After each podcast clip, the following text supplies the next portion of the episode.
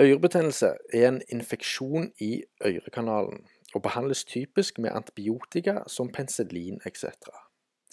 Når infeksjonen observeres, så er allerede helbredelsesprosessen godt i gang, og smuss og skitt som observeres objektivt, kan ses som et resultat av den biologiske detoksifiseringa som kroppen sjøl står for. Det er mikrobiomet kroppen, altså bakteriene med sine saprotrofiske og pleomorfiske egenskaper, som sørger for opprensinga i ørekanalen hos den utsatte. Å påføre antibiotika vil kun begrense og i verste fall reversere den naturlige helbredelsesprosessen. Dette forklarer hvorfor f.eks. For barn som først får ørebetennelse, kan få det flere ganger etter hverandre. For mikrobiomet, som står for rensinga og fjerninga av avfallsproduktene, får ikke gjort seg ferdig før antibiotikaen påføres. Og som de fleste er forstått med, så er jo antibiotika antibakteriell, og dreper da selvfølgelig bakteriefloraen. Så ved gjentagende bruk av spesifikke antibiotika, så blir bakterien såkalt antibiotikaresistent, og ny form for antibiotika må benyttes. Og Grunnen til dette det er at bakteriene er pleomorfiske av natur, og vil over gjentatt behandling med antibiotika få en adapsjon, eller med andre ord en tilvenning til miljøet den utsettes for, som da er et resultat av antibiotikamisbruken i dette tilfellet. Så bakterien den ender opp med å endre egenskaper som gjør at den takler miljøet den da befinner seg i. For kroppen og dens mikrobiom, for ikke å snakke om dens mikrovirom, har ett mål, og kun ett mål i sikte. Og det er å opprettholde symbiosen og homostasen i kroppen.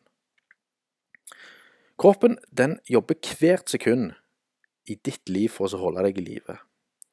Det er ikke noe han vil mer enn å gi deg det du trenger, når du trenger det. Og det er bakteriene som bistår kroppens egne celler med nettopp dette. De er livsnødvendige. Hvis våre kropper består av flere titalls eller hundretalls milliarder med celler, så er kun 10% av dette våre egne celler. Resterende er utgjort av bakterier som lever i symbiose og homostase med kroppens egne celler. En symbiose det er altså en naturlig, eh, en naturlig tilstedeværelse. Og et annet godt eksempel er vårt forhold til plantene. For plantene de besørger for produksjon av oksygen, som for oss mennesker og dyr er livsnødvendig. Og oksygenet det er faktisk et biprodukt av fotosyntesen hos planter. På samme måte som karbondioksid for oss mennesker og dyr er et biprodukt av celleordninga vår, som da igjen er livsnødvendig for plantene. Det eksisterer ikke bakterier som forårsaker sykdom og uhelse. Og jeg ga et konkret og relevant eksempel som de fleste kan relatere til. Til og med en forklaring på antibiotikaresistente bakterier la jeg òg fram her nå. Bakterienes tilstedeværelse under sykdom, uavhengig av type bakterie, er kun der som et biprodukt av den virkelige årsaken til sykdom, som skyldes ekstern faktor eller psykisk emosjonell påkjenning hos den syke, som jeg har vært inne på gjentatte ganger i flere kjappiser. Vi kommer alle til denne verden som et blankt lerret, for å si det på den måten.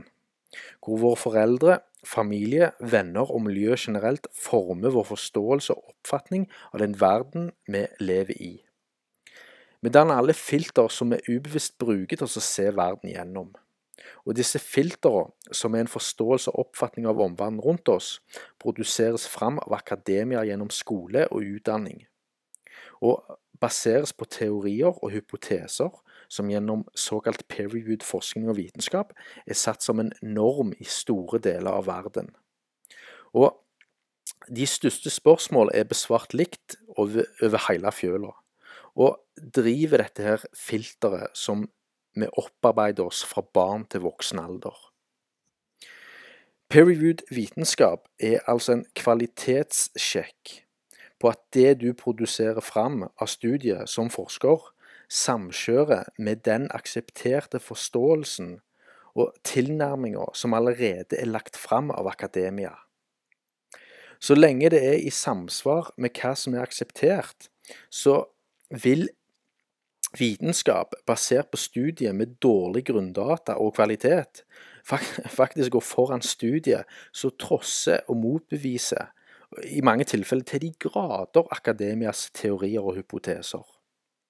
Altså med andre ord, det er et kontrollorgan som opprettholder en konservativ og lukka holdning til omverdenen, sånn at industri og styringsorgan forblir som de er. Bare spør deg sjøl, har du noen gang stoppet opp og reflektert over hva du virkelig observerer og påføres av informasjon og sanseinntrykk, som f.eks. I, i nyhetsbildet eller gjennom utdanning? Hva er virkemidlet og budskapet som brukes?